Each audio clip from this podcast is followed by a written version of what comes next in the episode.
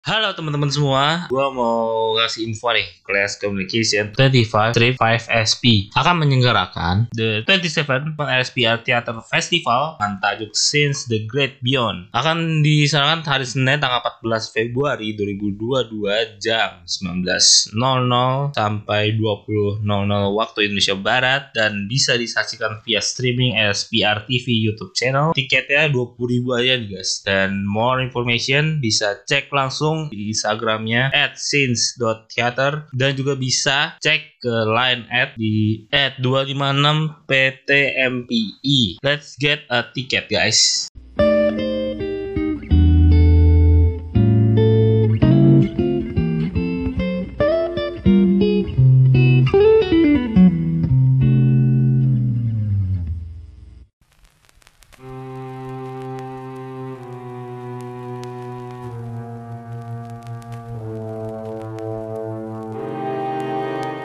Balik lagi di podcast Up Stories bercerita inspirasi barengan gue Adam. Dan barengan gue, co-host kalian yang biasa menemani kalian, Irfan. Asik. Apa kabar, Van? Iya, pertanyaan lu basic bro.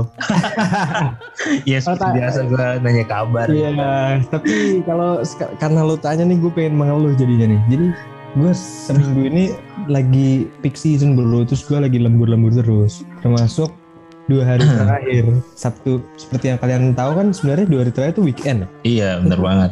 ke kantor cuy ini ini aja gue baru baru banget bisa sampai di kosan baru rapi-rapi terus langsung recording nih sama lo Eh, gila-gila parah lo, udah korporat parah anjir. gila, gila, gila. gila ya Iya, nah nih bro kalau lu gimana apa kabar nih baik aja alhamdulillah gue mungkin eh, sama sih sebenarnya gue fokusan juga gue maksudnya hari-hari gue disibukkan oleh beberapa kerjaan juga. Mungkin juga harus record podcast gue ngejar tayang beberapa episode podcast lumayan pusing juga karena kawas-kawas kita juga pada nggak bisa pada sibuk. Cuman alhamdulillah bisa lo lo bisa nyempetin waktu lo di tengah kesibukan juga ya. Thank you banget Van. Iya mungkin nih di bahasa kita akan nemenin teman-teman eh, membahas sesuatu yang keren. Saya eh, berbeda dari yang lainnya. Cuman dari mungkin ini juga pertama kalinya kita mengangkat tema ini Sen dan menjadi bagian juga dari apa rangkaian ya rangkaian tentang horor yang kalian juga minta gitu. Jadi kita sempat survei pan Eh, apa Oh, ya, gitu. kira-kira kalian tuh mau kita bahas apa sih sebenarnya? Dan hasilnya banyak-banyak banget orang yang minta horor gitu. Jadi yaudah kita siapin lah tentang Jadi horor podcast ini horror tuh emang emang ngetren gak sih? Ya kalau podcast horror tuh selalu ada top 10 gitu di Spotify ya gak sih? iya bener banget gue gue juga termasuk dengerin beberapa podcast lain ya untuk yang tentang horor iya. Uh, uh. Tapi mereka tuh cara rata-rata ya bawainnya monolog jarang Kali yang kan iya ya. di berbeda konsepnya mungkin kita ngobrol dan tentang beberapa topik ya kemarin kalau dua episode tentang cerita-cerita dari Twitter mungkin ya uh, dan juga mungkin pengalaman orang indigo bro jadi mari Hmm. gue ngobrol sama orang indigo pengalaman seperti apa gitu ya. Jadi selama dia menjadi ego indigo terus sebenarnya kan indigo tuh katanya tuh banyak juga tuh jenisnya gitu ya. Jadi gue baru tahu juga gitu. Terus kali ini kita akan bahas apa nih? Kali itu kita akan bahas sesuatu yang sebenarnya nggak horor, tapi cukup Iya. bikin apa ya? Mungkin cukup bikin kalian tuh kalau posisinya kayak gue sekarang nih, gue di kamar kosan gue sendirian nih, bikin nggak bisa tidur gitu. hmm Bikin agak ngeri-ngeri sedap lah ibaratnya hancur. anjay apa tuh Ya kita akan bahas itu? namanya tentang unsolved mystery. Jadi kalau horror itu kan sebenarnya apa ya? Kayak suatu cerita yang sebenarnya menakutkan tapi berhubungan dengan makhluk-makhluk yang di luar akal sehat kan. Cuman kalau unsolved mystery Ya. artinya kita mau bahas kasus-kasus yang benar-benar kejadian tapi sampai sekarang masih nggak diketahui siapa pelakunya. Misalkan siapa yang kenapa dia melakukan itu kayak gitu. Itu makanya namanya unsolved hmm. Iya, kalian yang iya. seneng kayak gue seneng banget nih dengerin kayak nonton di YouTube kayak BuzzFeed Unsolved gitu kan kayak Nancy Judge Nancy Judge tuh horror sih cuman kayak Iya. BuzzFeed Unsolved gitu nah ini teori-teori konspirasi juga ya yo ini episode cocok banget buat kalian kira-kira sebenarnya sebelum kita kenal biasa kita sih biasa seperti biasa kita pembahasannya horornya udah mungkin yang lain monolog terus kita bawain yang secara ngobrol terus juga kita ada gestar gitu ya yang membedakan Oke. juga sebelum kita masuk ke gestar sebenarnya lu sendiri itu ada nggak sih ngikutin cerita-cerita yang mungkin apa ya bikin kita penasaran gimana sih endingnya gitu sebelum itu sebenarnya gue ada sih cerita bro tapi kayaknya pendengar nih kepo nih siapa sih gestar kita pada malam hari ini Oh gitu. Oke, kita kan main desa dulu berarti. Main ya? dulu kali ya. Yuk. Oke, desa kita ada Adinda dan juga Adila. Apa kabar? Halo, baik-baik. Baik ya. Kalian lagi sibuk apa nih? Lagi sibuk apa ya? Lagi sibuk belajar sih, nyiapin buat ke UNIF. Oh, berarti lo masih kelas 12 dong sekarang? Iya, iya masih kelas 12. Wow, SMA di mana? Di Yahya, SMA Yahya Bandung. Sebenarnya nggak tahu kan? Bandung, orang Bandung. Di orang Jawa ya Bandung. Wow, wow. Saya jadi merasa tua ini sebenarnya. Waduh, waduh. Ya, ya, ya, ya, gak apa-apa. Mau masuk jurusan apa mimpinya? Kayaknya sih aminnya sih psikologi Psikologi? Wih, psikologi, mana? UGM. UGM. Wah, Kenapa nggak psikologi UI? Karena lebih in ke UGM, karena pengen di Jogja. oh gitu, cocoknya gitu. Jogja ya. Ya sih bener sih Jogja sama Depok ya pilih Jogja dong ya. Iya. Oke, selanjutnya next ke Adila. Adila apa kabar? Lagi sibuk apa nih? Ah, baik. Buat sekarang sih gue lagi sibuk kuliah sama ikut beberapa kepanitiaan aja sih. Kuliah di Hmm. mana? Gue kuliah di psikologi UI. Gue tuh jadi Waduh. Oh, ini nih. Ini nih. Ini, Nah, ini. kalian har- harusnya kalian bisa sharing loh. Iya. Ke Adila ya gak sih? Bener habis banget. Ini, iya, habis ini kalian bisa sharing kayak tahu-tahu satu alma mater. Wah, some story mempertemukan ya gak sih? Iya, gitu ya. Sama-sama mau ambil psikologi. Eh, gue masih maba masih semester 1. Masih semester 1 tuh berarti angkatan 2021 ya? Iya. My God. Iya, mudah-mudah banget sekali. Kita beda lima, kita beda lima angkatan, Dil. tapi gue tapi gue bukan bukan ini, bukan psiko dulu. Jurusan apa tuh? Gue dari FEB. Oh, Iya, jadi tau lah. Ya, tapi udah pernah ke Depok kan? Udah pernah ke UI kan? eh, kebetulan tinggalnya juga di Depok sih. Oh, tinggal di Depok. Oh. Eh, sorry, gue tidak bermaksud menghina Depok loh. Depok, gue gue gue cinta Depok, cuy. Gue 4 tahun ngetas di Depok. Aduh, aduh. Duh, oke deh. Oke, oke. Di area Depok tuh banyak unsolved misteri juga gak sih? Ini banyak yang misteri-misteri. Oh, mis- Belum gue ada bro. Iya, Unsolved ada ya? Mystery- Unsolved Mystery Kota Depok. Apa tuh, apa tuh? Ah, Ah, Misteri Kota Depok adalah coba lu kalau di sepanjang jalan Margonda tuh, Iya. lu lu bingung pasti putaran yang bisa dipakai itu yang mana anjing karena suatu hari ya misalnya hari hari Senin gitu kan, gue gue liat Depok ada putaran depan depan Taman Melati itu apartemen Tam- Tamel itu Hmm. dibuka. Tapi besoknya kagak, besoknya yang dibuka yang depan Detos. Tapi besoknya lagi yang dibuka yang yang depan Taman Melati. Jadi itu misteri sih buat gue kayak apakah seenak-enak abangnya aja buat buka putarannya bagaimana gue nggak ngerti sih. Wah gitu ya. Gimana tanggapannya Adila anak, anak Depok gimana ini? Eh, kalau sekarang sih kalau gue perhatiin yang dibuka itu cuma puter balik yang setelah Margo sama yang puter balik yang ujung itu yang muter balik apa sih? Oh, perempatan ya? Iya. Oh, Hmm, Iya iya iya. gue juga sebagai gue juga adalah mantan anak Depok. Jadi gue kecil di Depok di apa daerah Pondok Kuta lah. Gue dulu tinggal di sana. Jadi ya emang Depok tuh ya banyak banget ini ya misterinya gitu ya. banyak. Iya. Oke, thank you banget nih loh Adinda sama Adil udah menyempatkan datang nih ngobrol-ngobrol bareng kita. Mulai aja kali ya, gue mulai sharing dulu cerita yang sebenarnya gue pernah pernah nonton sih di YouTube. Jadi Unsolved itu namanya yang gue menurut gue sangat berkesan buat gue adalah Gilang Baru Family Murders. Jadi ini adalah pembunuhan eh, satu satu keluarga even, tapi anak anak-anaknya doang. Jadi satu keluarga itu ada suaminya, ada istrinya, sama ada empat anak. Nah Hmm. si suami dan su- si istri ini dua-duanya bekerja jadi mereka itu tinggal di dalam flat flat itu apartemen apartemen di daerah Gilang Baru di Singapura. Jadi deket cuy lumayan lumayan deket sama kita. Nah jadi si suami ini kan kerjanya sebagai supir antar jemput kan? Nah si Iya. istri ini kerjanya sebenarnya sebagai kayak penyuplai cateringnya gitu loh di salah satu sekolah gitu. Nah makanya mereka tuh harus setiap harinya itu mereka tuh harus berangkat pagi-pagi banget dan biasanya tuh kayak si suami dan si istri itu udah nyiapin semua kebutuhan anaknya tuh sebelum mereka berangkat. Jadi kayak mereka tuh bangun jam 3 gitu, jam 3 atau setengah 4 terus mereka masak dan segala macem, nyiapin bekal lah, nyiapin seragam dan segala macem. Nah baru mereka ntar kayak sekitar jam 5 setengah 6 gitu mereka berangkat ninggalin keempat anaknya di rumah jadi keempat anaknya itu tinggal tinggal bangun tinggal mandi tinggal apa pokoknya mereka tinggal ke sekolah gitu kan Iya. nah suatu hari yang bikin ngeri tuh jadi biasanya setelah mereka berangkat jam setengah enam ini si istrinya itu di jam jam setengah tujuh jam tujuh gitu biasanya mereka tuh selalu nelpon ke rumah untuk ngebangunin anak-anaknya. Jadi mereka bangunnya tuh jam tujuh Hmm. gitu. Jadi mereka selalu nelpon ke rumah kan. Di suatu hari teleponnya tuh nggak diangkat ya kan? Mereka curiga nih ada apa gitu kan? Nah setelah mereka curiga mereka kira kayak anaknya tuh emang nggak bangun biasa dan segala macem kan.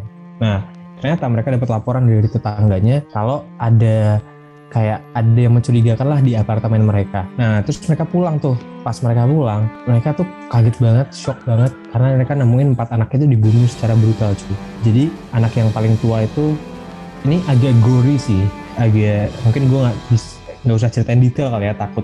Dia kayak anak yang paling tua itu kayak ditusuk beberapa kali gitu. Anak yang kedua tuh kayak di lehernya tuh dibacok sampai hampir putus lah badatnya. Itu anak yang ketiga tuh katanya banyak luka lebam terus anak yang terakhir tuh kondisinya kayak sama kayak banyak luka tusuk dan tangannya tuh kayak hampir putus gitu. Nah itu shock banget kan itu bener-bener kayak itu jadi trending trending di Singapura cuy. Itu dan itu tahun 1979 itu udah 30 berapa? 41 tahun yang lalu lebih. Empat lebih dari 40 tahun yang lalu. Itu benar-benar jadi trending di Singapura satu kayak itu benar-benar satu negara masalahnya tuh yang bikin ini merinding adalah jadi setelah polisi datang ke TKP mereka coba menyelidikin nggak ada tanda-tanda kalau ada forced entry gitu forced entry itu maksudnya kayak ada tanda-tanda pemaksaan gitu loh kayak kan kalau lu Oke. misalkan ada orang yang lu nggak kenal masuk ke dalam kamar lu, pasti kayak ngelawan dong ya kan? Iya. Nah, itu itu nggak ada nggak ada tanda-tanda perlawanan pintunya kunci pintunya juga nggak apa namanya nggak di nggak didobrak paksa terus juga kayak bener-bener semuanya tuh rapih kecuali si empat anak ini doang.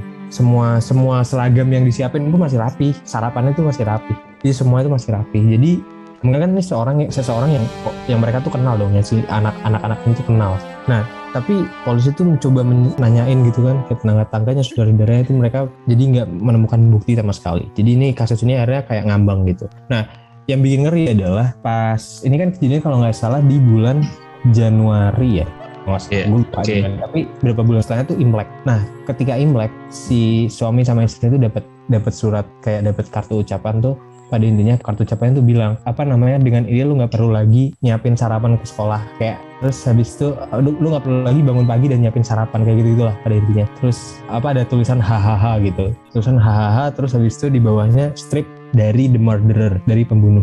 Anjing tuh yang bikin ngeri sih Hmm, oke oke. Sebenarnya yang pertama mungkin ada teori konspirasi nggak yang lo tahu gitu? teori konspirasi yang gue tahu Iya. kalau teori konspirasi sih sebenarnya bi standar sih yang gue tahu kayak misalkan tentang segitiga bermuda gitu-gitu Lansov yang kayak gitu-gitu sih tapi kalau yang ini enggak sih gue se- apa namanya kan, kan menurut gue ini menarik aja gitu kayak sangat membekas aja ketika gue nonton Hmm, oke. Yang gue tonton malah ada di Judge sih sebenarnya. Yang gue ingat tuh kasus kayak pembunuhan satu keluarga gitu 11 orang. Lu, lu pernah dengar gak? Ada yang pernah dengar kan? nah ini yang jadiin ini di Netflix kan Oh iya, iya. Iya kan ini kan Dia namanya ya. Holmes Holmes apa gitu ya? Iya, yang India itu ya. Burari Murders kalau eh Burari Deaths kalau nggak salah namanya Iya, kalau nggak salah itu. Dan itu tuh dari bukti-bukti yang gue nonton di Nesitas itu pembahasannya kayak kok bisa gitu. Mereka rapi banget gitu. Kayak gak ada apa-apa dan mereka udah kayak nyiapin nyiapin gitu matinya gitu loh. Dan kayak udah ada tempatnya masing-masing ada 11 pipa apa-apa 11 tuh. Kaca juga 11 gitu. Uh, ubin juga 11 misalnya gitu ya katanya gitu ya. Yoi. Hmm, itu sih paling bro. Yang apa ya paling gua ngikutin akhir-akhir ini gitu. Menurut lo itu kenapa? Matinya kenapa menurut lo Kalau menurut gua mereka tuh gak ada sosok pemimpin itu loh yang teori konspirasinya kan sebelum mereka kejadian itu kakeknya mati kan si kakek yang pemimpin keluarga itu loh.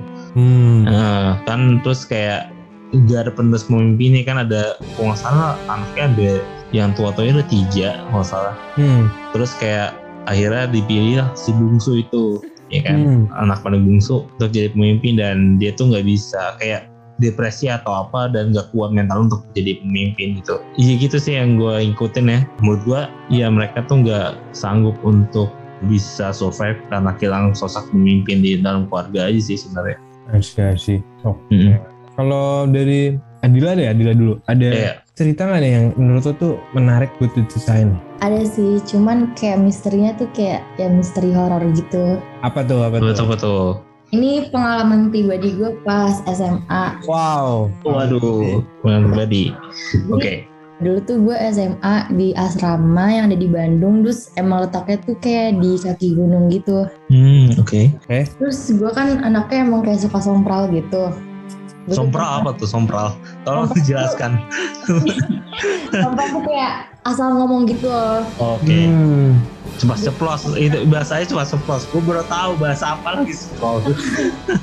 Gue pernah ngomong ke temen gue satu hari kayak gini. Eh gue pengen deh cobain kaki gue ankle terus gue jatuh terus gue masuk UKS gitu kan.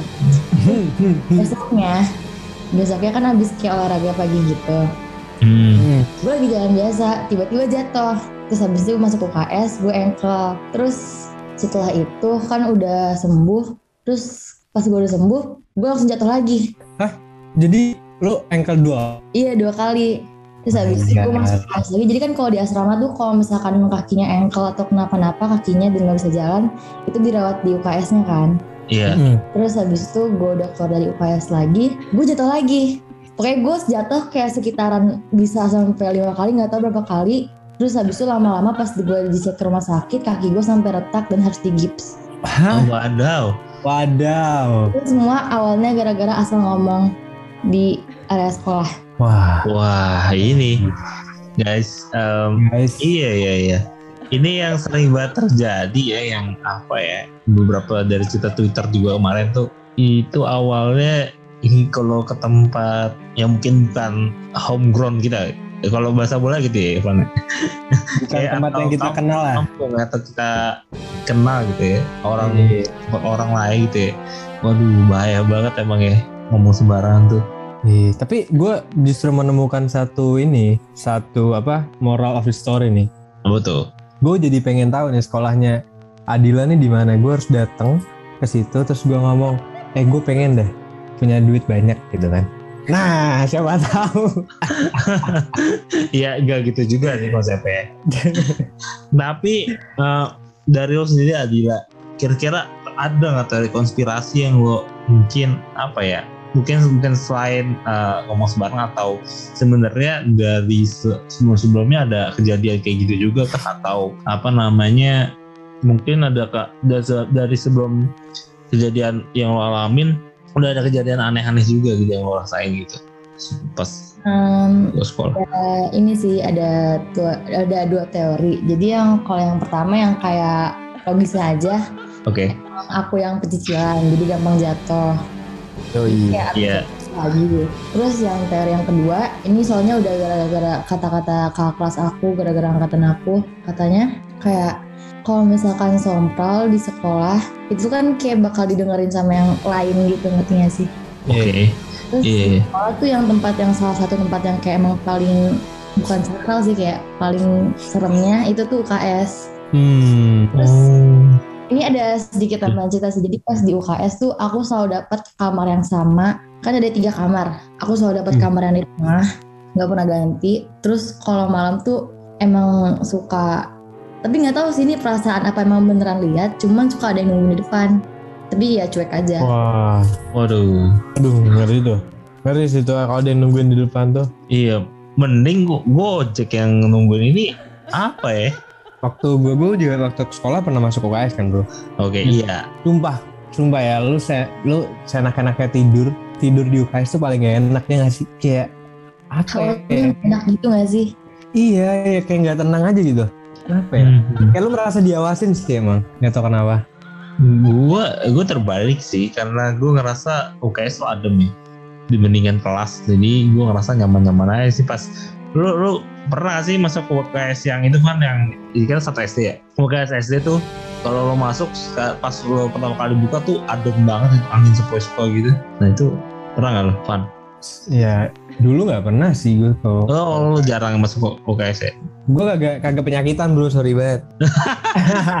gue juga gak punya kita itu gue gak sengaja jatuh atau apa gitu ya gue kayak ke UKS gitu kagak punya kan juga gitu Oke, nih, Oke. kalau Adinda gimana nih? Ada nggak cerita-cerita yang menurut lu menarik nih untuk diceritakan? Ada sih di sekolah di sekolah gue banyak banget. Cuman ini yang gue alamin sendiri. Cuman tuh apa ya? Ya banyak aja gitu.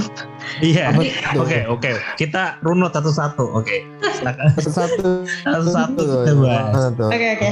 iya Nah jadi waktu itu kayak gue tuh masuk sekolah gue tuh gak, gak suka kan. Jadi kayak gue tuh kelempar dari negeri gue masuk swasta. Jadi gue kayak gak rada gak ikhlas gitu. Terus gue gak mau gak mau ceritanya gak mau berteman gitu. Jadi gue explore lagi MPLS nih, explore sendiri aja gitu ke mana-mana. Nah sekolah gue tuh lantai ada lima lantai, tapi lantai kelima tuh gak boleh dinaikin karena rooftop gitu. Terus Tuh. di lantai 4 tuh ada lab biologi. Wah, Pas. MPLS tuh di dikasih tahu kan, eh, ya ini tuh jadi biologi tuh di sini ada ada sampel janin, ada yang sampel segala macem gitu, ada banyak Ah. banget. Terus katanya tuh kayak puas-puasin deh lihat soalnya ntar kalian yang masuk IPS nggak bisa masuk lab biologi lagi gitu. Oke. Terus gue IPS kan, ya udah, udah nih semuanya pada ke bawah istirahat. Nah gue ngeloyor sendiri ke atas, pas ke atas. eh, jadi pintunya tuh kayu, tapi ya tahu nggak sih kayak di pintu rumah sakit. Jadi di tengahnya Oh, ada iya, kayak iya. kaca Oh, iya, iya, gitu. iya. Ah, Nah Ah. iya kayak gitu. Tapi itu nggak terlalu buram. Terus gue lihat kayak ada yang ngeliatin sampel gitu loh. Kan sampelnya di tengah, ah, kayak pakai apa ya lemari kaca gitu. ah. Kayak ngeliatin tuh siapa ya guru. Terus gue tuh udah tahu guru-guru di situ tuh udah pada tua, nggak mungkin ada yang hamil. Situ tuh gurunya lagi hamil, pakai kayak tau gak sih baju kayak eh, baju ibu hamil gitu warnanya tuh biru biru navy gitu inget banget terus dia rambutnya panjang agak gelombang gitu tapi nggak ngelihat ke pintu dia cuma ngelirik doang gitu waduh Waduh, aduh, eh, gua gua gak pe, sumpah ya. gue gue juga merinding nih sumpah Aduh, sorry banget nih, gue lagi sendirian nih. bro. sumpah gue Aduh. gue ngerasa kalau ceritanya mungkin bisa bisa di unsend aja nggak? Unsend, unsend. tapi emang asli nih gue merinding nih gue asli Aduh, aduh, aduh, aduh. Eh. Nah terus? Udah kan? Lanjutnya. Iya oke lanjut lanjut. Aduh. udah nih gue lihat kan terus tiba-tiba dari belakang ada yang manggil Din sini turun MPLS nya mau mulai lagi. Ya udah gue turun. Oke.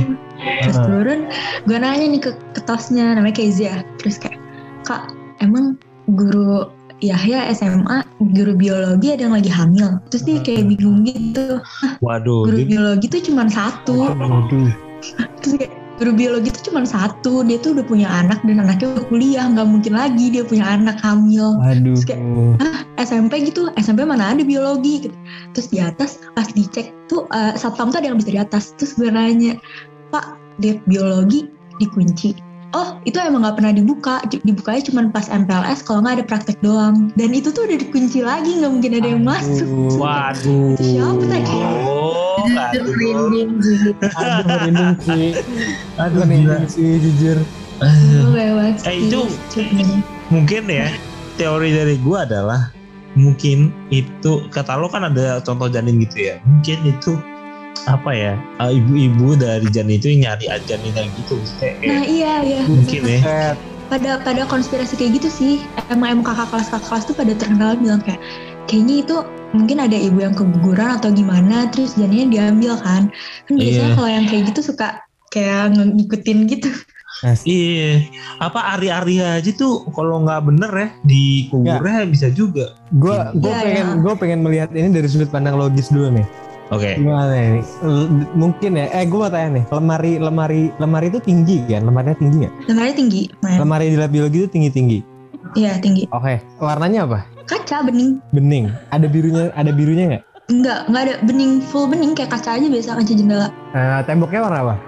putih Eh, gue gue berarti teori ini tadi gue mau ngomong mungkin lu salah melihat antara lemari dengan orang nih karena lu lagi capek kan MPLS mungkin lu panik juga atau apa ya kan?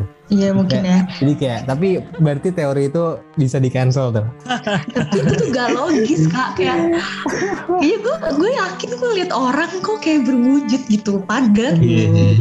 Tapi di situ pertanyaan gue adalah kenapa setiap ada orang yang nggak kenapa atau apa gitu nggak lo foto atau lo abadikan? Lo lo sempat foto atau enggak kepikiran nggak? Atau kayak lo nyesel Iya, ah, kenapa gue nggak foto? Iya iya iya gitu. benar-benar.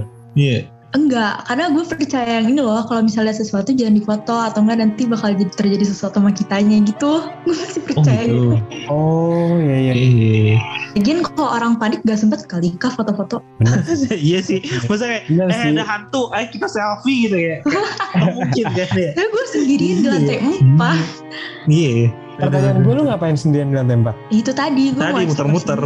Oh muter-muter. Iya, barengan explore explore mengenal Explore, explore. wah, pengen kenalan gitu ya. Explore explore begitu pengen mengenal diajak kenalan. Iya, Nah iya, terus gue kayak nenangin dirinya cuman kayak nggak apa-apa dia ini masih terang ini tuh masih siang nggak mungkin nggak mungkin. gue nenangin diri kayak gitu, itu gak guna banget. Tapi les les dulu emang, emang ngeri sih cuy. Di mana pun gue, iya, gue tuh pernah harus gue pernah har- karena suatu mata kuliah, eh sorry, karena suatu mata pelajaran, gue tuh harus ada di lab biologi itu jam 5 pagi cuy. Jadi ada eksperimen biologi gitu. Dan anjir itu ngeri banget sih karena gue bener-bener jam 5 pagi sendirian cuy. Masih gelap lab biologi di pojok terus ada kayak kan lu tau lah kalau lab biologi itu ada selalu ada rangka itu kan Iya. rangka tengkorak anjing gue udah skip banget deh. Nggak mau gue ulangin lagi tuh iya karena karena tuh setiap rangka-rangka tenggorok itu banyak konspirasi nih rangka orang asli lah apa segala Iya, macam iya. gitu kan. gue kita coba tanya tanggapan Adila nih menurut Adila itu apa itu yang dilihat sama Adino waktu itu Hmm, apa ya? Kan katanya kan lembarnya kaca kan, terus bisa Iya. Nah. kayak pantulan-pantulan gitu gak sih? oh dia orangnya logis sama kayak gue bro Nah, Positive thinking ya. Ya, cuman kok bisa juga kalau misalkan itu satu hal yang lain. Iya iya iya iya. Kalau logisnya sih menurut gue gitu, kayak cuma pantulan-pantulan aja. Pantulan bisa juga sih pantulan. hmm, Iya iya. iya. Iya iya iya. Oke, ya Lanjut dam, gimana nih? mungkin tadi kan mungkin dari cerita pribadi mungkin dari Adila tadi ya.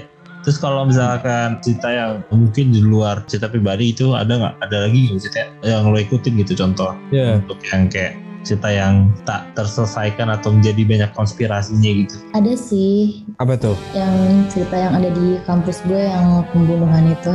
Kampus ya. Oh ini pasti. Oh, iya. Oh yang danau Dulu- ya. Danau ya Iya, danau. Oh, oh iya, gimana tuh cerita Bisa. yang kemudian banyak ya di UI atau cuma satu ya ya? Yang terkenal itu doang sih bro. Itu dong ya? Oh oke oke. Soalnya ada yang MIPA juga kan? Lah ini. Oh yang MIPA justru ya di dalam. Iya. Oke, lanjut lanjut. Emang ada dua ya ceritanya? Tahu gue satu sih. Gue cuma tahu yang satu ini sih yang Aksena ini. Oke oke, gimana tuh ceritanya? Jadi ceritanya tuh kayak udah enam tahun lalu tapi sampai sekarang tuh belum terungkap gitu misterinya. Polisi menduga bahwa Aksena ini bunuh diri soalnya ada surat kayak surat peninggalan gitu. Tulisannya tuh Hmm. Do not return for peace, don't read, don't search for existence. My apologies for everything eternally. Hmm. Terus tulisannya tuh pakai bahasa Inggris. Terus jadi dari surat itu tuh berpesan bahwa korbannya tuh nggak mau dicari dan minta maaf. Hmm. Kemudian surat itu diperiksakan sama ahlinya sama pusat laboratorium forensik. Terus hasilnya itu tulisan itu katanya identik sama tulisannya Aksena. Cuman makin dalam penyelidikan polisi tuh kurang yakin kalau misalkan ini tuh pembunuhan. Hmm. Terus polisi malah berasumsi kalau misalkan Aksena ini korban bunuh korban pembunuhan. Hmm. Iya iya iya. Soalnya emang matinya tuh setahu gue meninggalnya itu dia tuh di dalam tas. Jadi dia tenggelam kan di dalam danau. Di dalam tasnya tuh ada batu gitu gak sih? Iya, Iya iya. Nggak mungkin dong orang mau meninggal. Maksudnya, iya kan? Meninggalnya kayak gitu biasanya orang, kan maksudnya kalau orang pengen bunuh diri bisa mencari cara yang paling mudah nggak sih? tapi mungkin aja sih bunuh diri kayak Nah, pakai menurut, menurut lo gimana nih? Menurut gimana? Kalau di film-film tuh ada juga kayak yang bunuh diri tuh pakai batu yang berat terus mereka jalan ke dalam danau. Tapi Hmm. kayak, kayak menurut aku juga kurang yakin sih kalau bunuh diri soalnya katanya tuh Aksena ini masih ikut kelas paginya. Hmm. Terus ternyata pas dicek lagi sama American Handwriting Analysis Foundation, katanya tulisan tangan ini tuh bukan tulisan, tangan- tulisan tangannya Aksena. Ya ya ya. Dan pakai bahasa Inggris gitu ya? Kayak Iya. weird gitu nggak sih? Kayak orang, ya bisa jadi sih, cuman ya ya ya. Gimana nih kalau menurut Adinda nih gimana? Gimana ya? Menurut lo logis nggak sih orang bunuh diri kayak gitu gitu misalnya sebenarnya sih nggak tahu ya kalau di pikiran gue dari awal tahu ceritain tahu berita ini tuh kayak nggak logis kalau disebut itu bunuh diri kayak kesannya ditutup-tutupin gitu padahal sebenarnya Oh. kalau kita kalau kita lihat gitu kayak udah jelas nggak sih itu pembunuhan soalnya ya orang bunuh diri tuh jarang yang ninggalin kayak pesan-pesan gitu deh di Iya, iya, iya. khususnya di Indonesia sih ya itu jarang iya. banget kayaknya kalau Kalau di luar negeri sering sih ya Heeh. Iya sih. Ya, betulnya yang yang sedih itu adalah si gue sebenarnya masih masih rada ngikutin kasusnya si Aksen ini karena jadi bapaknya si Aksennya tuh kan anggota TNI ya, setahu TNI apa ya TNI AD apa apa gitu sih gue. Lumayan lah pangkatnya lumayan tinggi kalau nggak salah kolonel atau apa. Iya, nah bapaknya ini sampai dari enam tahun lalu sampai sekarang itu dia mencari bener-bener mencari keadilan cuy buat anaknya dan dia setiap ada apa ya misalkan setiap ada hari besar atau apa dia tuh nge-tweet di Twitter kayak ini hari besar ini sementara kasus aksennya belum kasus anak saya belum juga terpecahkan. Terus kayak setiap ada anniversary ya anniversary bukan anniversary itu maksudnya kayak setiap ada ini kasusnya kayak ini udah berapa tahun sejak kasus anak saya tidak dipercahkan ini sudah berapa tahun sejak anak saya kehilangan nyawa dan segala macam tuh gue bacanya tuh menyayat hati banget sih sejujurnya. Iya sih? Kayak ya ampun seorang bapak nih mencari keadilan buat anaknya. Sedih sih. Kayak gue gue sampai sekarang masih ngikutin gara-gara itu sih. Ya iya sih. Berasa mungkin ya kita yang nggak jadi apa ya orang belum jadi orang tua lah istilahnya. Pasti berasa banget. Mungkin kalau posisi kita jadi eh, bapaknya gitu ya. Hilang anaknya secara misterius tahu-tahu hilang aja gitu kan. Hmm. iya iya. Apalagi kayak beberapa kasus gitu yang, yang kayak tahu-tahu hanyut lah apa gitu ya. Sedih banget sih gitu karena saudara gue pernah ngalamin gitu ada saudara gue hanyut di sungai gitu. Tahu-tahu ya pasti kehilangan banget sih parah. Iya makanya iya. Nah, yang ada ada sih bro kasus yang yang unsolved juga di negeri kita dan ini kasusnya lumayan gede cuman takut Apa ya kalau dibawa on air ya. Oh Lo iya tau kan kasus pembunuhan salah satu aktivis HAM di Indonesia. Wah tahun 2004. aduh iya. Tapi sebenarnya kalau diangkat juga apa-apa sih. Sebenarnya udah banyak banget yang bahas tentang ini dan juga emang bukan kasus baru dan itu benar-benar terjadi mungkin awal-awal kita SD gitu ya. Iya, 2004 iya, gitu itu ya. banget sih. Iya. Apa yang Mungkin- kemarin kita bahas iya. yang kopi cyanida itu juga kan? Iya, kalau misalnya juga. Nah, mungkin itu akan detail akan dibahas di next episode tentang kopi cyanida itu ya. Iya. Tapi kalau untuk yang aktif sini, sebenarnya gue bahas secara gamblang sedikit aja sih di episode spesial Sumpah Muda kemarin. Terus Hmm. menurut lo, kan ada fakta-fakta gitu ya, teori-teorinya dia ternyata tuh diracun arsenik katanya Hmm. si aktivis ini. Terus em, ada beberapa teori tentang kenapa dia dibunuh gitu. Yang pertama Hmm. mungkin dia seorang aktivis itu yang sangat kalau sekarang siapa sih aktivis yang mungkin lo iniin gitu orang segan banget ketika lo ngomong didengar banget gitu ada gak sih Hmm, mungkin ya, mungkin Haris Azhar bro. Haris Hazar mungkin Alvaro. Maldini dan Ya. Hermes mungkin yang gitu itu ya yang yang mungkin lumayan eh, banyak ya tapi di zaman itu mungkin jarang gitu ya yang berani untuk apa namanya bersuara gitu apalagi baru halnya misalnya kita baru merasakan namanya reformasi gitu kan Yoi. Heeh. terus kayak di teori-teorinya itu ada beberapa ya teori mun aduh, sebut lagi gue. Ya si, aktivis jadi kenapa dibunuh? Yang pertama mungkin ya tadi soal aktivis sangat berani banget. Yang kedua mungkin ada ada pihak-pihak tertentu yang nggak pengen terusik gitu loh. Kalau misalkan kayak dia tuh kayak me, ingin ham banget kan. Eh, tapi dia sekarang jadi kasus ham gitu yang belum kelar-kelar juga sampai sekarang Nah, eh, menurut lo kenapa nih teori-teorinya pelaku dibunuh terus kayak pembunuh apa namanya dalang di balik itu juga belum terungkap baru yang dari pilot itu ya kalau nggak salah yang Iya. di Polikarpus itu ya. Gue mau Dan tanya dulu, Mas, kayak Adila deh.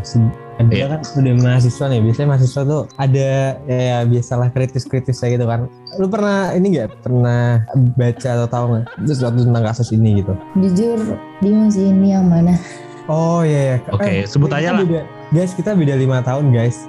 Oh ya, nggak nggak bisa gitu dam. Kita beda lima Oh, iya. tahun dam.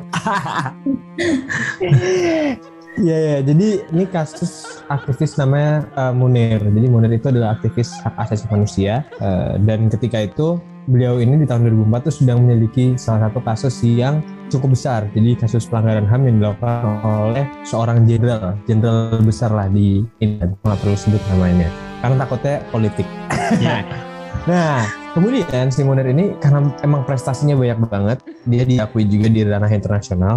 Beliau ini kemudian dianugerahi kesempatan untuk sekolah lagi di Belanda. Kalau nggak salah di Amsterdam ya. Iya, Amsterdam. Dia dianugerahi kesempatan untuk S, S2 kalau nggak salah, untuk belajar lagi. Nah, ketika itu, ketika dia dalam perjalanan, di dalam perjalanan mau jadi Jakarta, dan dia di pesawat ke Indonesia ketika itu, itu meninggal dalam kondisi dia tuh keracunan arsenik gitu kan. Nah, keracunan arsenik tuh jadi benar-benar dia tuh men- meninggal dalam apa ya dalam state yang agak sangat tersiksa lah gitu. Karena dia bolak-balik kamar mandi dia mual muntah dan segala macam. Itu bener-bener apa ya yang tersiksa sekali lah menurut gue ya. Sangat cukup sadis juga. Dan setelah ditelusuri racun arsenik itu kemungkinan itu ditaburi sekitar kayak 30 menit sebelum dia meninggal. Nah dalam 30 menit itu ada satu orang yang akhirnya jadi tersangka setelah ditelusuri polisi itu. Seorang pilot Garuda namanya Polikarpus Uh, nah Pak Polikarpus ini kan menemui pemuda di ketika dia transit gitu. Dia ketika dia transit kalau nggak salah di Singapura ya, di Changi, di Changi kalau nggak salah. Ketika di transit mereka makan bareng, ngopi bareng gitu kan di suatu kedai kopi gitu kan di suatu coffee shop di bandara gitu. Nah setelah itu barulah sebenarnya naik pesawat lagi dan 30 menit setelah setelahnya itu meninggal. Nah di situlah baik kecurigaan polisi itu diracunin di situ sebenarnya. Nah, tapi siapa dalangnya itu nggak nggak pernah terungkap. Polikarpus ini akhirnya dijatuhin hukuman sekitar kalau nggak salah 17 tahun pada awalnya, 17 tahun penjara untuk kasus pembunuhan berencana. Nah, tapi dalam dibalik itu siapa yang menyuruh si Polikarpus untuk membunuh kan nggak mungkin dong lu ujuk-ujuk ngebunuh orang. Kayak even Polikarpus ini baru kenal sama Pak Pak Munir. Itu nggak pernah terungkap sampai sekarang. Gitu.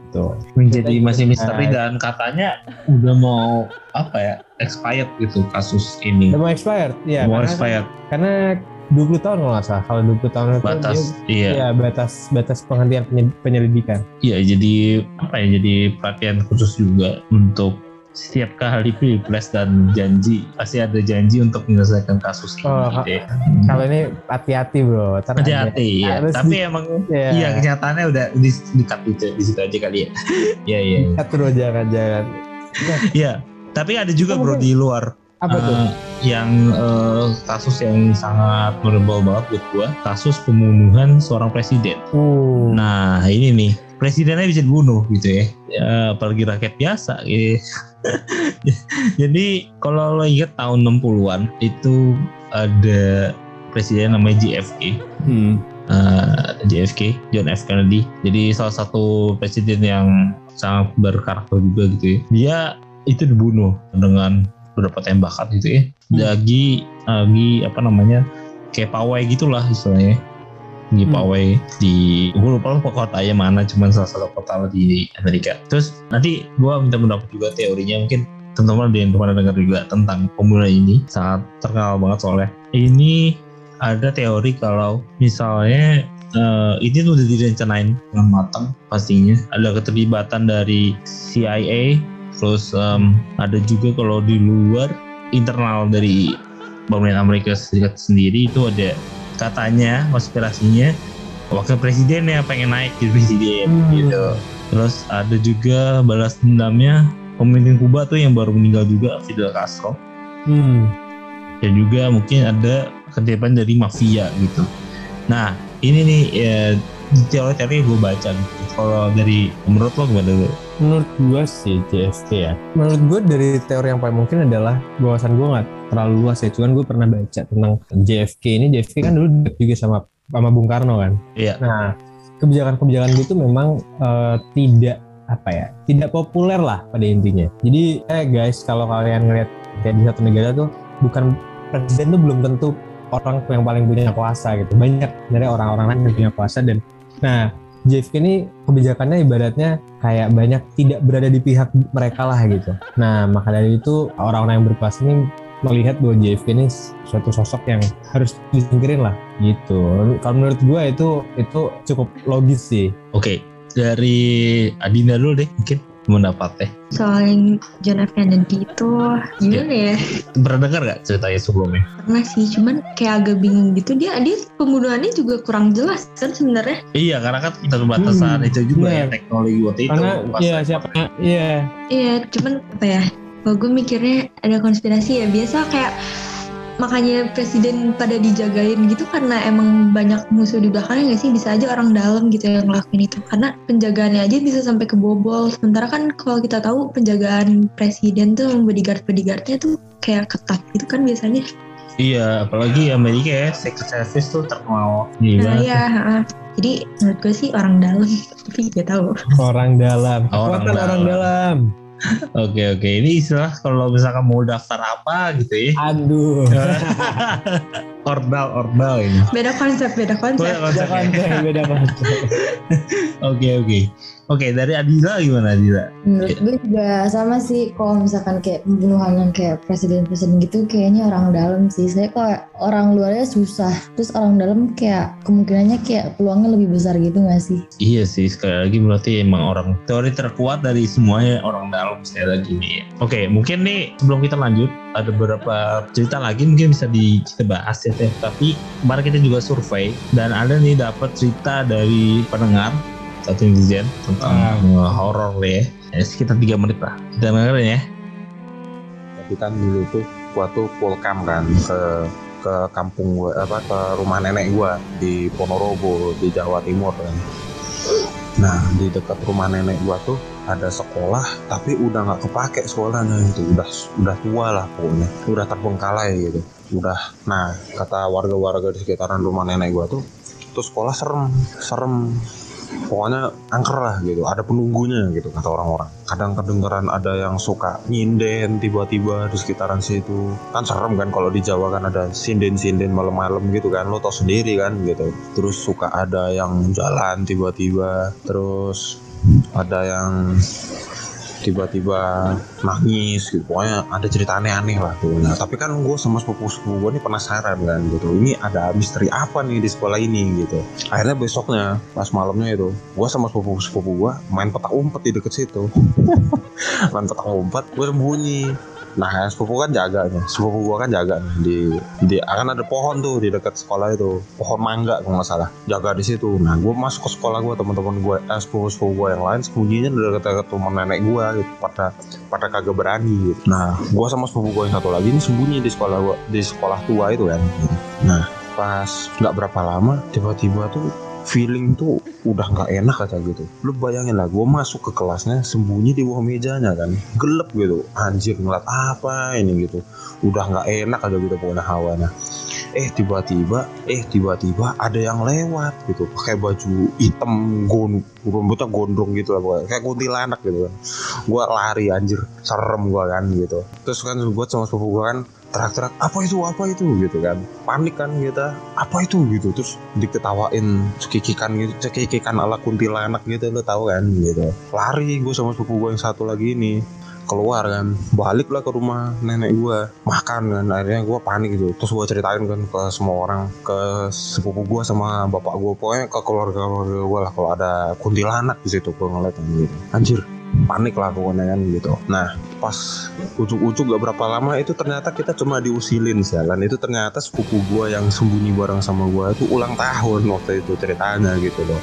Eh diusilin nah ternyata yang jadi hantunya itu pak ade gue kan kampret banget gitu. Gue udah berani-berani ke sono gue udah lari-lari ngibrit-ngibrit nggak jelas udah ketakutan udah panik ternyata cuma diusilin gitu kan.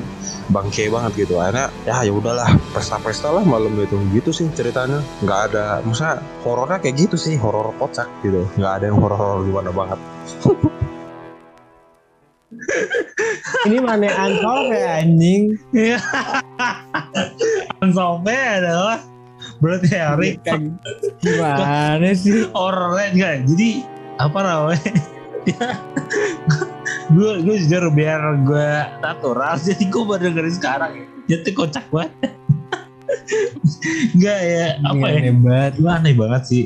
Ini mungkin dia berteori dulu sendiri kayak oh iya serem ya ada kunti ada kunti di sekolah itu ternyata padenya anjir gue udah lah nggak usah dibahas lah gue gak niat bahas ini Oh, iya ya.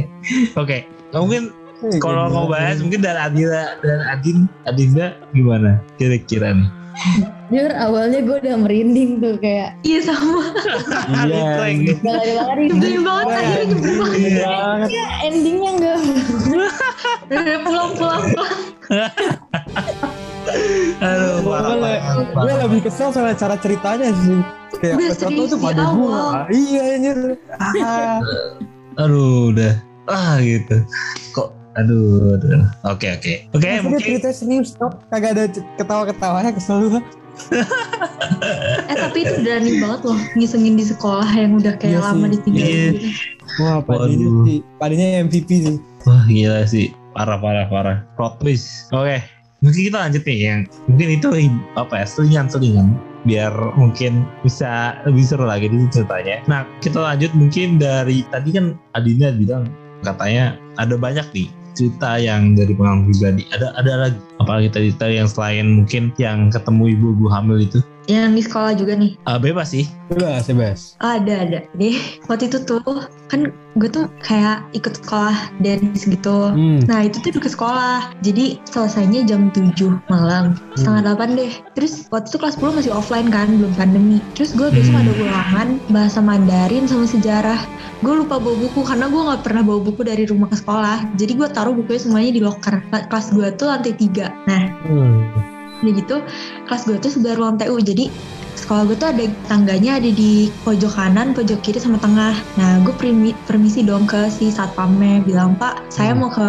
loker ya, mau ngambil uh, buku." Terus satpamnya bilang gini, "Kamu anak sekolah sini?" "Iya." SMA baru masuk ya? Iya. Kok berani banget malam-malam sendirian? Katanya.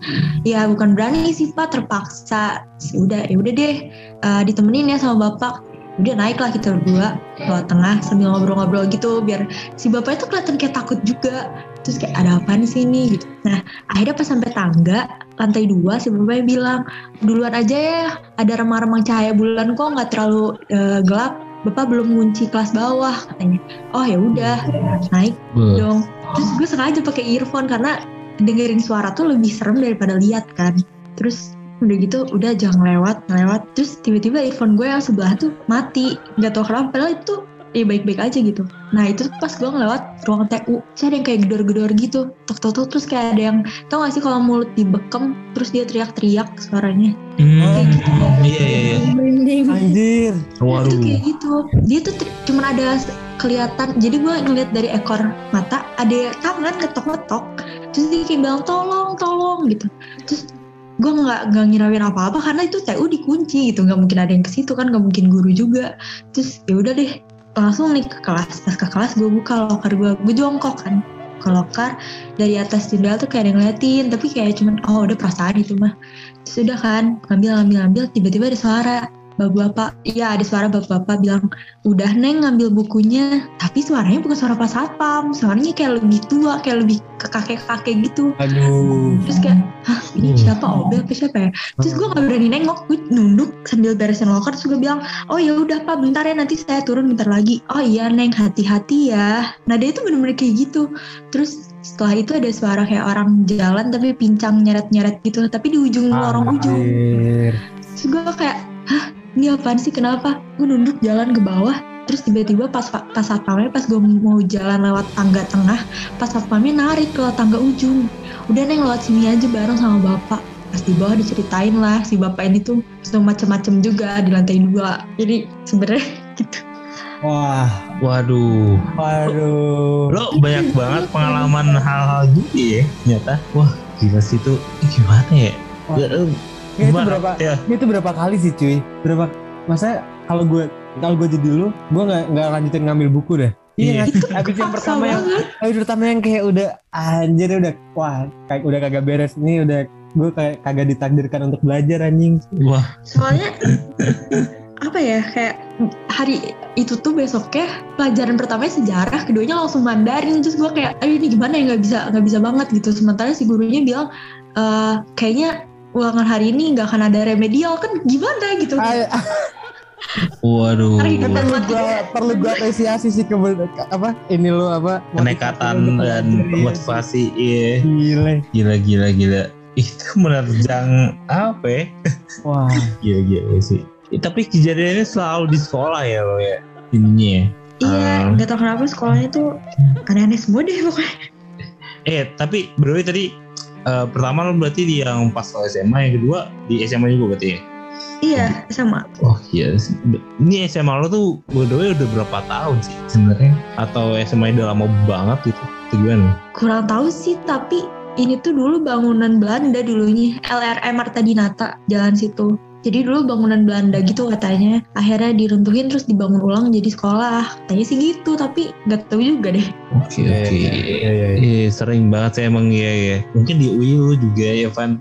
Eh, kenapa banyak juga karena gedung lama ya udah dibangun ulang juga jadi zaman Belanda sih soalnya Iya iya. Oh UI yang ini bro lu harus ke UI yang Salemba sih. misalnya mbak ya uh, pernah gue Wah itu alik. Waduh, aduh, pernah sih gue Tapi ada sekali ya gue belajar kayak belajar bareng bersama gitu dosen gue tau dosen UI dan biasanya di dia ngajar di Salemba gitu. Ya ada ya belajar bareng lah gue di masjid yang UI Salemba. Itu lu pernah ya? UI Salemba. pernah, pernah lihat doang sih, nggak pernah. pernah lihat doang ya? Iya, iya tapi ged- gedungnya tuh kelihatan banget sih bro. Apa? Iya. iya. Berhubung soal gedung tuh nih gue pernah berapa kali acara di ini tuh. Apa yang musim mandiri tau gak lo? Yang di kota. Oh iya yang di. Ah, iya. Iya.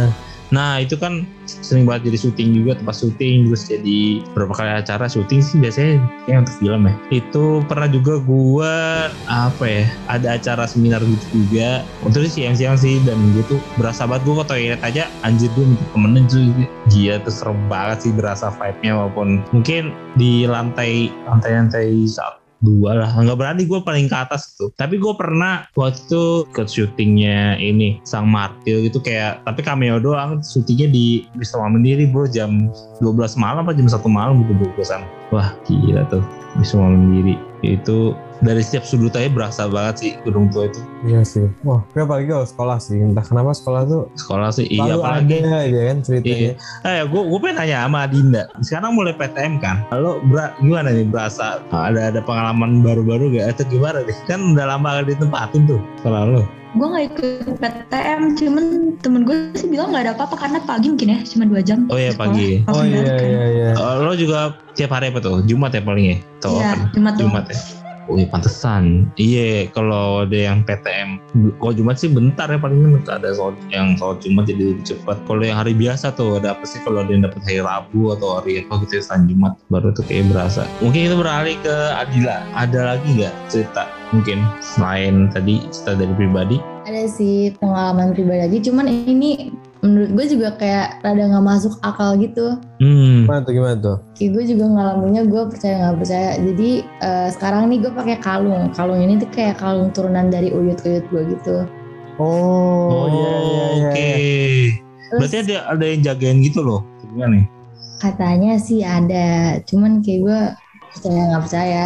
Jadi ini tuh kalungnya tuh kalung batu. Terus pas gue diceritain sama nyokap gue katanya batu ini tuh diambil dari hutan pas uyut gue siapa ya? Kayak yang dulu-dulunya perang gitu kalungin.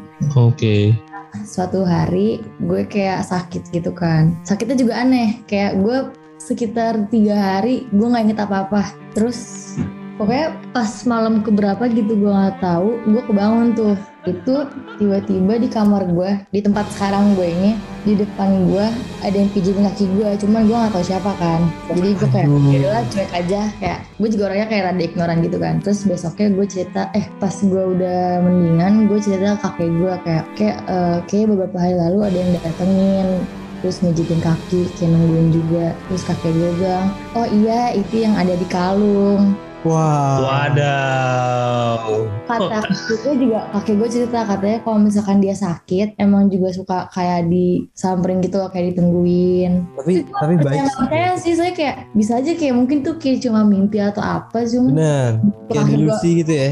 ya begitu kaki gue ngomong gitu gue jadi kayak "Eh, ya udahlah ya berarti kayak makasih aja gitu ke sesuatu udah ditungguin gitu-gitu Eh, iya, iya. yang pertama lo nggak perlu bayar untuk ngulur kayaknya. Jadi kayak pijit gratis gitu ya. Ada. jadi itu harus kayak harus sopan juga kali ke mereka jangan bilang Iya. tukang ngebut takut ih Iya.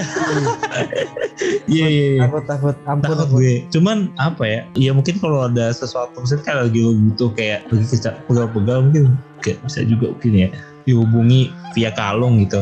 Eh, Dan Tapi- asal jangan asal ngomong. oh iya maaf. Asal ngomong kan. Asal ngomong banget gue asli. ya karena ya gak tahu juga sih ya namanya kepercayaan tuh kadang ya percaya percaya gitu ya. orang dulu emang gitu cuy. Gue Gitu juga ya? cerita kakek, kakek nih kakek gue nih. Oh ya, Kakek gue tuh kan tentara ya bro. oh ya, Almarhum Kakek gue tuh tentara. oke. Dulu tuh pangkatnya apa ya? Kop kapten kalau nggak. Jadi dia tuh udah memimpin, memimpin satu plot satu kompi gitu. Nah suatu saat tuh mereka tuh ada berapa beberapa titik pertempuran gitu kan. Hmm, kopinya kakek oke. gue itu. Nah, masalahnya adalah titik ini tuh jauh-jauh. Kayak misalkan yang satu tuh di Jaksel, yang satu di Depok, yang satu di Pluit, gitu-gitu loh. Ini tuh jauh-jauh. Nah, masalah ya ketika per, ketika pertempuran itu selesai, mereka kan pasuk semua pasukan kembali ke barak kan. Kata bilanglah pasukan A, pasukan B, pasukan C gitu kan. Katakanlah A, Iya. B sama C. Nah, harusnya kan nggak harusnya tuh kakek gue logikanya cuman bisa hadir di kalau nggak pasukan A, kalau atau di B atau di C gitu kan. Iya.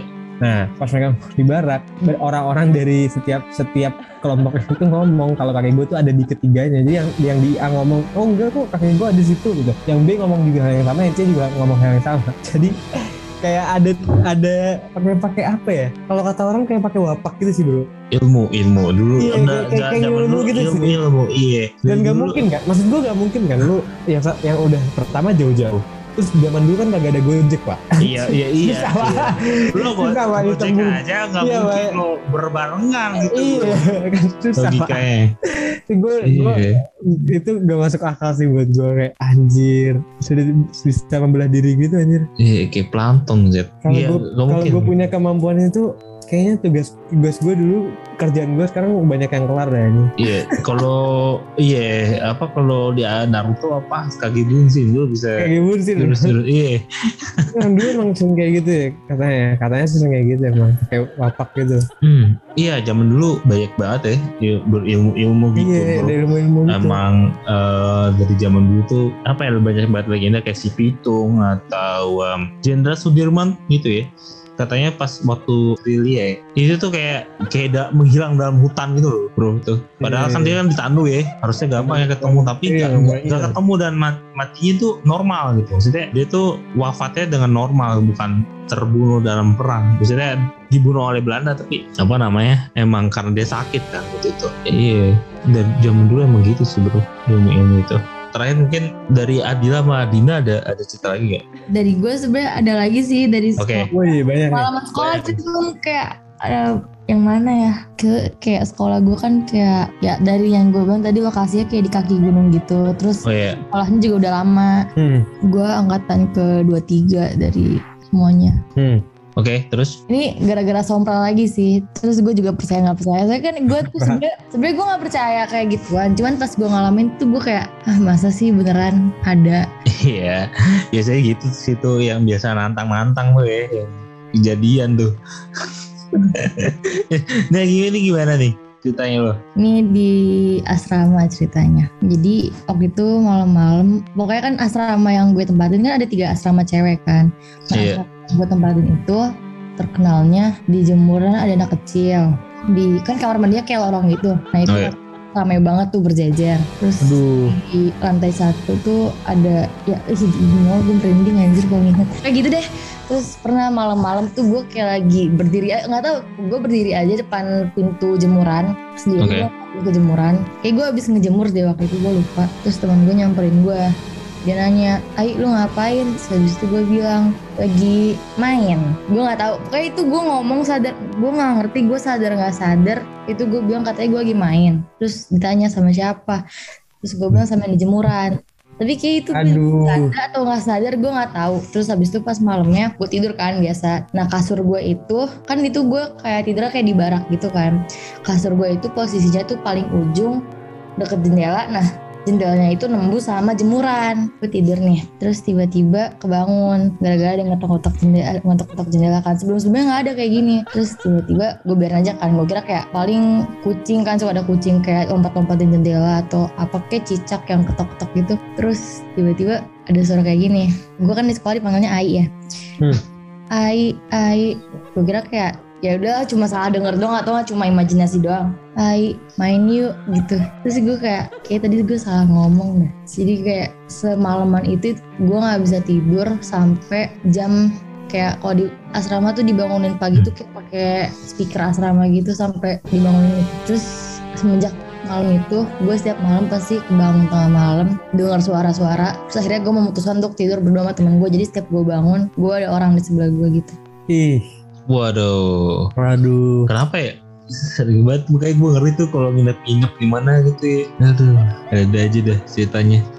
Kayak pelajaran dari semua cerita gue tuh sebenarnya jangan sompral Oh, udah sompral. Bener ya. sih. Iya, Wah, iya. gue gue juga dapat kosakata baru nih sompral. Sompral, oke Baca kita lagi gua sompral. kasih gua note itu sompral, Iya, oke. sompral.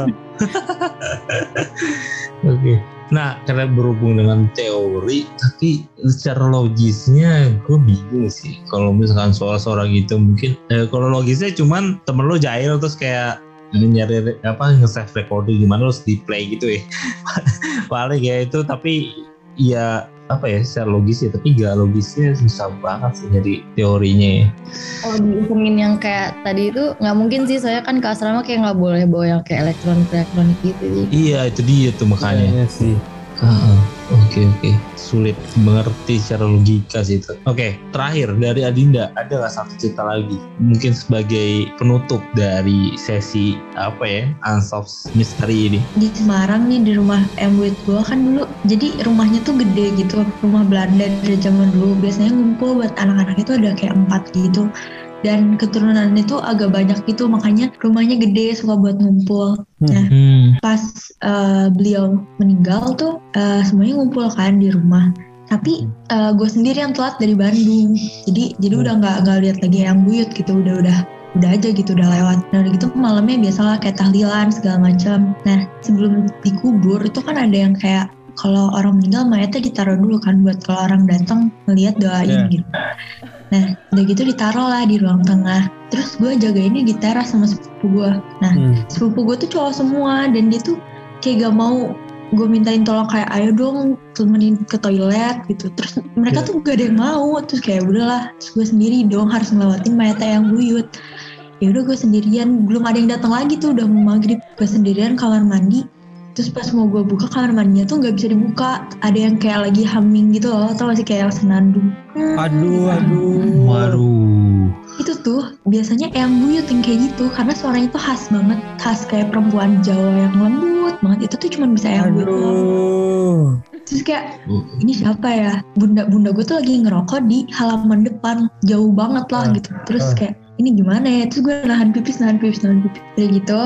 Eh, akhirnya gue nggak jadi pipis kan. Nah, terus Oke. udah mau ta- udah mau tahlilan nih malam-malam. Nah udah gitu semua tuh tamu di luar. Harusnya kan mayat tuh nggak boleh di itu ya nggak boleh ditinggalin kan di dalam Iya, sendirian benar. itu ditinggalin dan itu tuh di lantai satu tau gak sih yang kalau lantai duanya bisa ngeliat ke bawah? Iya, iya, iya. Terus kamar yang buyut yang dulu tuh di atas dan itu tuh dari bunda kecil, dari bunda gua kecil tuh TV di situ walaupun gak dicolok suka nyala sendiri kalau ada orang yang diem di situ. Terus kayak udah kan pas gua ngeliat ke atas ada kayak tau nggak pembantu Jawa gitu yang pakai kain disanggul. Iya, iya, iya, Iya, iya, iya, iya. Bayang gue. Iya la- lagi ngelap-ngelap gitu dan itu tuh kayak ada beberapa gitu lewat lewat terus ngelirik ke bawah lewat kayak gitu terus sampai akhirnya gue nggak tahan kan kayak merinding gitu terus gue bilang ke bunda terus bunda tuh cuman kayak "Shh, cuman gitu doang udah jangan ngomongin apa apa dulu bunda juga lihat bilangnya gitu terus kayak "Hah? Waduh. Aduh. Iya, jadi ini gak cuma tahu anak muda ya. Dulu juga lihat ya. Oke, iya lanjut aja.